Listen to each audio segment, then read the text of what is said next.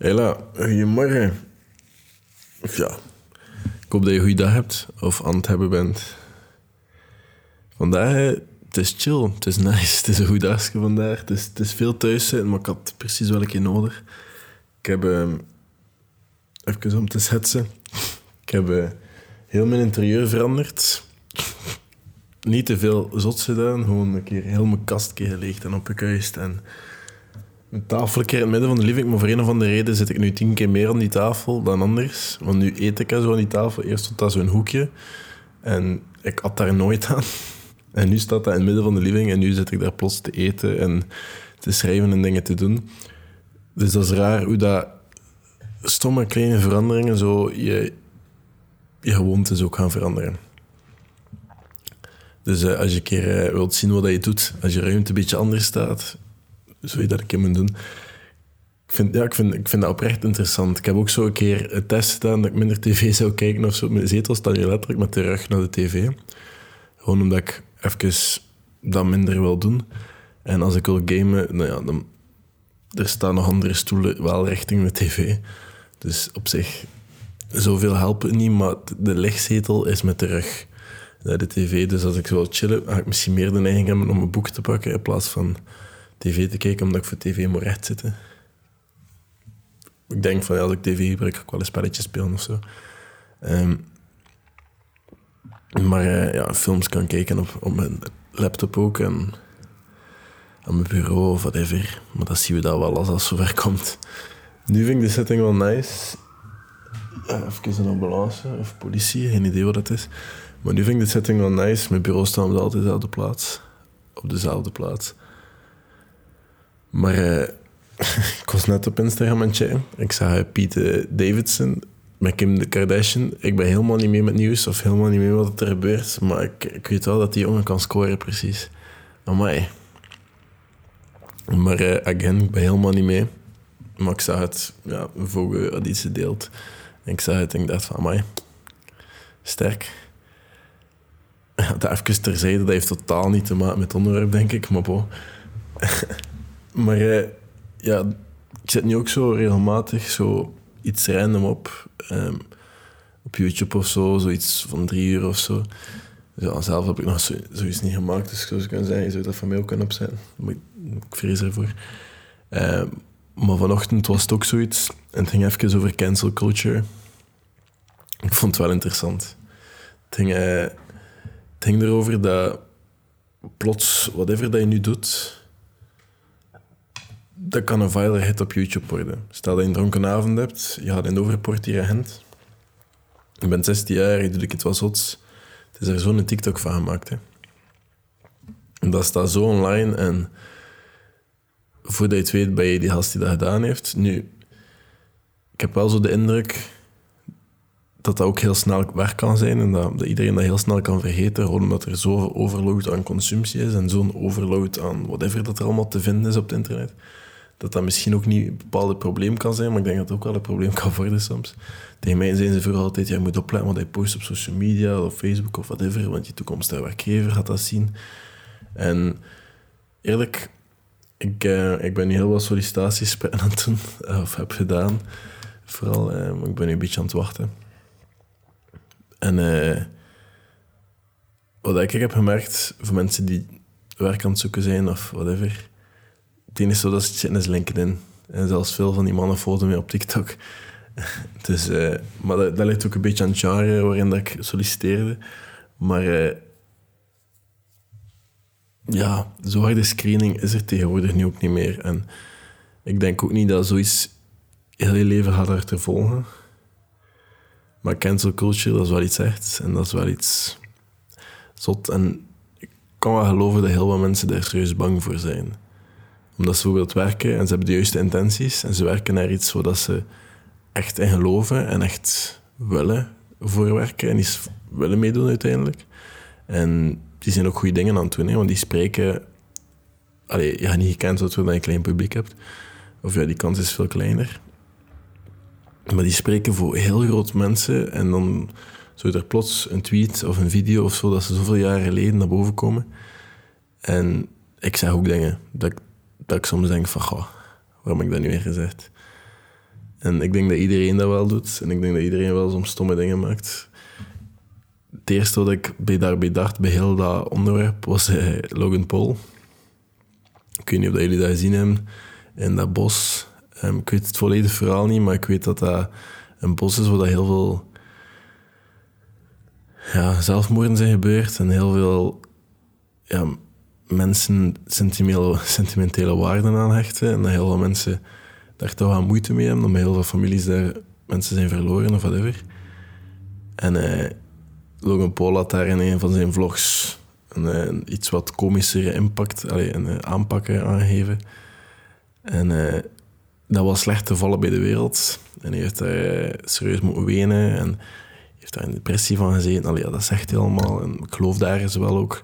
Want ik denk dat zulke mensen die zo groot bereik hebben, dat ook wel serieus kan inspreken op hoe dat je voelt en hoe dat je bent als persoon.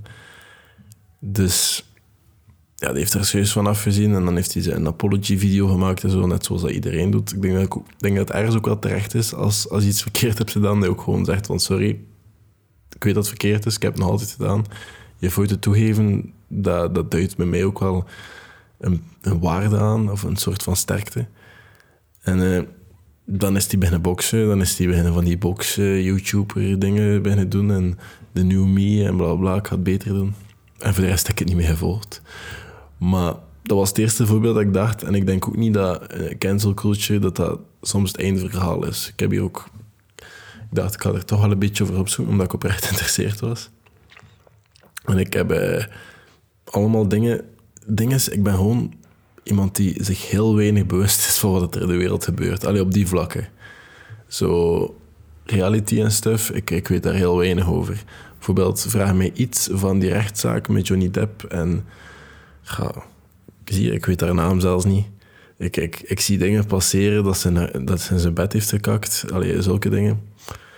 Ik versta er allemaal niks van. Ik ben er allemaal niet mee. Ik volg dat allemaal niet. Ik post dingen op social media, maar ik volg dat allemaal niet zo hard. Um, maar dus, een beetje die situatie te zetten, ik ben dus niet, schetsen, ik ben dus niet altijd mee. Maar J.K. Rowling, die naam ken ik wel, dat is de schrijfster van uh, Harry Potter. Die is blijkbaar gecanceld omdat ze op Twitter in juni, ergens in 2020, um, ehm, van de transgender community een paar mensen heeft, uh, of ja, een paar leden daarvan, heeft uh, beledigd. Um, of ja, die waren een beetje offended, ik zal het zo zeggen. En die is daardoor gecanceld. Wat er precies gebeurd is, geen idee. Ik denk dat, denk dat, denk dat die persoon daar in kwestie ook niet zo hard van wakker ligt. Maar eh, allez, los van wat ze gezegd heeft, again, ik heb de tweet niet gelezen, again, maar dat is zo'n tweet. Dat is zo super lang geleden, of ze heeft dat gezet. En dan is het direct gecanceld of zo. En dat is verkeerd. En ik vind cancel gewoon een heel zwaar woord als ik al die dingen lees. Omdat die mensen hun carrière is niet over. En, maar cancel culture is wel iets gevaarlijk. Is plots iedereen gaat over één mening, iedereen gaat samendenken. En ik denk dat dat ook een beetje heel gevaarlijk is. Ik betrap mezelf daar ook op. Is dat we heel weinig voor onszelf denken. Ik, ik, ik heb me gisteravond daarop betrapt. En wat ik nu ga vertellen is een beetje beschamend. Maar um, ja, ik was dus op TikTok aan het scrollen ik zat zo uit, ik dacht van, ah ja, interessant, interessant. Het was haast die zegt, ik drink iedere ochtend een liter kokoswater. Allee. En ik dacht, ah, dat moet gezond zijn. En ik instant had ik opgezocht op internet hoeveel dat kost kokoswater. Die is daar gedacht van, waarom is dat? Hoe, waarom is dat nuttig? Waarom clean dat, zo gezegd. Gewoon van een random TikToker die beweert dat hij een coach is, neem ik dat aan en denk ik van, ah ja, ik ga dat ook doen. En dat die een beetje denken van Arno, fuck, je moet keer leren nadenken over jezelf. Je moet een keer eh, soms even een stapje terugzetten en denken van oké, waarom? Waarom is dat zo? En een keer andere perspectieven bekijken en zo. Maar door al die dingen, door zoveel consumeren en iedereen is expert en iedereen doet dingen en iedereen kan dingen zijn, hebben we zoiets van, ah ja, dat gaat zo zijn, dat gaat zo zijn. Uh, een maat van mij zei overlaatst van Arno, met uw stem en uw gezag soms hij zo strand kunnen verkopen. En dat is de enige reden waarom... Allee, nog, twee nog reden, nee. Dat, dat, ik, dat ik met heel weinig of geen sponsors werk of mijn dingen niet adverteer. Een andere reden is gewoon de sponsors daar ik mails, mails van krijg, zijn echt bullshit artikels of producten dat ik zelf echt niet in geloof. Dat ik denk van ja, ach arme, we gaan dat niet doen. Maar ehm, en ook gewoon, ja, ik doe dit omdat ik het nice vind, omdat ik weet dat, dat sommige mensen er echt wel iets aan hebben. Maar ja, ik zei wel, moest er eh, een goede sponsor zijn, mag mij altijd een berichtje sturen. Dan kan ik er iets over leggen. Maar echt zo cancel culture. Ik dacht eraan, ik dacht van, amai. Bijvoorbeeld die, um, die psycholoog, Jordan B. Peterson. Weet er iemand eigenlijk over dat die beest kan ik hem opzoeken. Maar uh, Jordan B. Peterson, dat is, um, ja, die is heel snel heel bekend geworden, omdat hij, dat was een, ja, een dokter, psycholoog, heeft een doctoraat ergens in de psychologie. En um, hij is een professor, hij was een professor, ik denk niet dat hij nog altijd is. Hij heeft wel nog guest lectures, heb ik onlangs gehoord. Um, in zo van die famous universiteiten. Maar die had al zijn lectures had hij zo online gezet voor een heel lange tijd. Uh, die staan nog altijd allemaal online, dat is meer dan 100 uur. Dat je kan kijken, dat je lessen kan volgen. Um, ik weet wel niet wat, wat, de lessen allemaal precies zijn. Um, en hij had het erover dat die, die 100 uur, dat er nog niks boven water is gekomen. Dat hij heeft misgezet en dat hij echt gewoon blij is dat hij let op zijn woorden en dat hij geluk heeft. Um, en hij is er echt bang voor, omdat hij maakt een impact en hij helpt mensen, maar hij wil ook zien wat dat, wat dat brengt en hoe ver dat hij daarin kan gaan. En is een beetje bang dat, dat, dat hij wordt gecanceld omdat hij ooit iets verkeerd gaat maken of iets non-ethisch. En ik denk eerlijk gezegd, als je, als je jezelf blijft en bent en jezelf aanhoudt aan drie regels, dan ga je... Dat was nu heel grootschalig, al die mensen.